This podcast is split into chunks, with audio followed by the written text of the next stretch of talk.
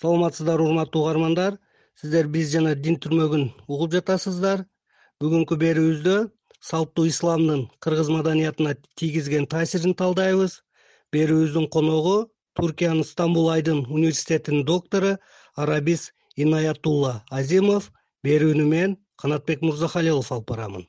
Биз жана дин.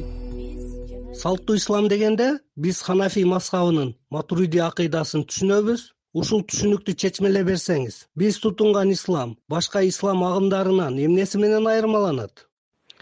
Ислам дини бул бир гана улутка же арабтарга таандык эмес. Э, жалпы инсаниятка таандык универсалдуу дин болуп эсептелет. Жалпы адамзатка жиберилген эң соңку толукталган дин. Ошентсе да исламдын универсалдуулук жагы менен катар ар бир элге сиңген экинчи жагы да бар да. Демек универсалдуулугу анын глобалдыгы өзгөчөлүгү болсо э, ошол бир элдин өзүнө ыңгайлаштырып кабыл алуусу аны элге сиңген тарабы деп эсептей алабыз. Э, салттуу ислам бул э, ошол өлкө мусулмандары үчүн негиз болгон куран менен сүннөттү карманууда исламга каршы келбеген жергиликтүү өзгөчөлүктү жана маданиятты тааныган дин болуп саналат.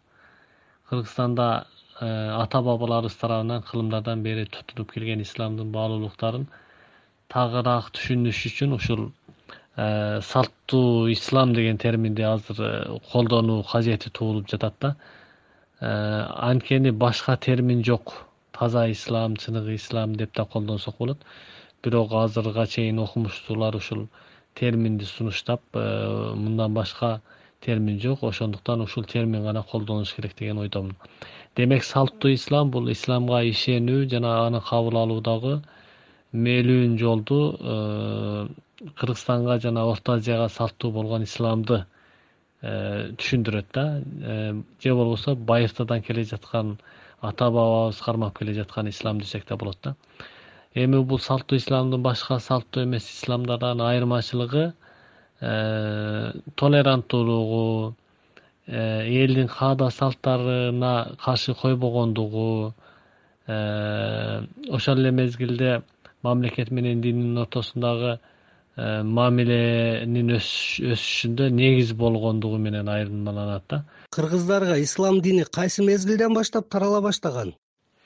Э, тарыхты карап көрө турган болсок кыргыздардын мусулман болушу боюнча так маалыматтар жок негизи.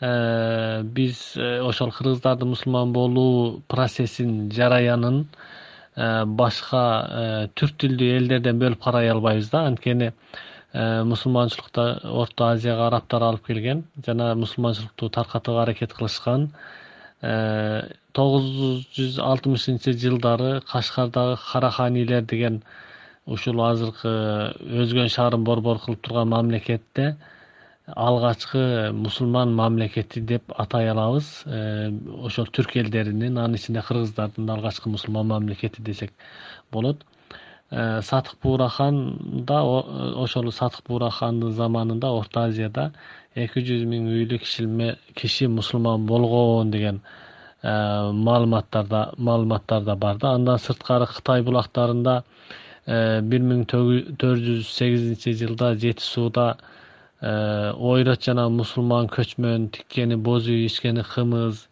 жегени эт түркү эл турат деген булактарда кездешет да андан кийинки жылдарда бир миң бешинчи жылдарда ысык көлдө э, кыргыздын ханы мухаммед хайдар деген бир ханы болгон.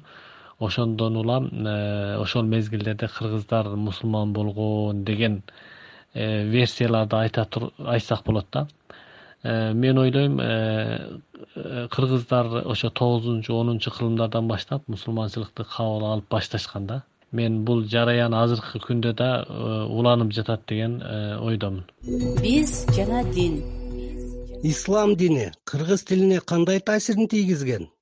Э, ислам дини аркылуу кыргыз тилине аябагандай чоң таасир тийген да. Мисалы көптөгөн кыргызча деген сөздөрүбүз негизи арабча ал арабча сөздөр кыргыз тилинде фонетикалык жактан жана ошондой эле маанилик жактан өтө чоң өзгөрүүлөргө учураган. Э, кээде кыргыздардын төл сөзү сыяктуу да болуп калган сөздөр ушуларды мисалы айтсаң бул арабча сөз деп кээ бирөөлөр ишенбейт да. Окумуштуулардын кээ бирлери араб сөздөрү кыргыз тилине тикелей кирген дешсе кээ бирлердин пикири боюнча араб сөздөрү кошула жашаган уйгур өзбек тажик казак тилдери аркылуу кирген деп эсептешет. Ислам дини аркылуу биз көп араб сөздөрүн кабыл алганбыз кыргыз тилибизге. Бул жараян азыркы күндө да уланып келүүдө мындан кийин да улана бермекчи деген ойдомун. Ошол эле мезгилде мисалы диний терминдер бар. Мисалы акыркы кезде диний ишмерлер үчүн шейх устаз деген сөздөр да көп колдонула баштады да. Демек ислам дининин кыргыз тилине таасир этүү процесси дагы деле токтой элек э, жыйынтыктап айта турган болсом ислам дини э, кыргыз тилинин э, байышына аябагандай чоң таасир эткен. Анткени тил өзү дагы мындай адам сыяктуу өзгөрүп өнүгүп турган бир система болуп эсептелет баардык тилдерде башка тилдерден кирген сөздөр бар да. Биз Э, кыргыз тили э, сактайбыз дегенибиз менен кыргыз тили араб тилинен кирген сөздөр аркылуу жок болуп кетпейт. Тескерисинче байып э, андан ары өнүгөт салттуу деп айтып жаткан ислам дининин кыргыз искусствосуна болгон таасири кандай? Ислам дини негизи искусство менен ислам дининин байланышы ислам окуучулар тарабынан өтө талкууга алынган талаш тартыш маселе. Ошондуктан э, мен ойлойм бул тема боюнча өзүнчө талкуу кылыш керек.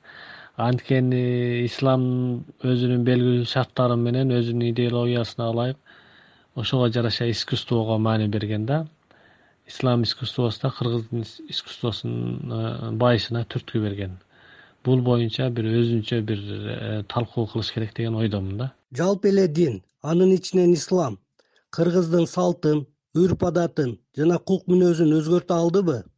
Э, албетте өзгөрттү. Анткени диндин маданиятта цивилизацияда өзгөчө орду бар да демек ислам динин да башка диндер сыяктуу аны кармаган э, аны тутунган адамга таасири албетте болот. Э, кыргыз маданияты менен ислам дини бири бирине каршы келбеген келбейт тескерисинче толуктап турат. Анткени ислам дини кыргыз маданиятынын үрп адатынын бир бөлүгү болуп калган аны эч ким деле э, мынтип тана албаса керек да. Э, кыргыздын маданиятыны бир үй деп түшүнө турган болсок бул үч түркүктөн турат. Кыргыздын маданияты Э, бул маданияттын биринчиси кыргыздардын исламга чейинки байыркы кыргыз маданияты теңирчилик шаманизм сыяктуу ишенимдеринен турат. Э, экинчиси кыргыздар мусулман болгондон кийинки ушул ислам маданияты. Ал эми үчүнчүсү азыркы батыш жана э, батыш же болбосо биз орус маданияты деп коелу бул үч үчөөнүн үч түркүктүн бирөөсү эле болбой калган учурда кыргыздар кыргыз болбой калат да же кыргыз маданияты бул үч түркүксүз элестете албайбыз.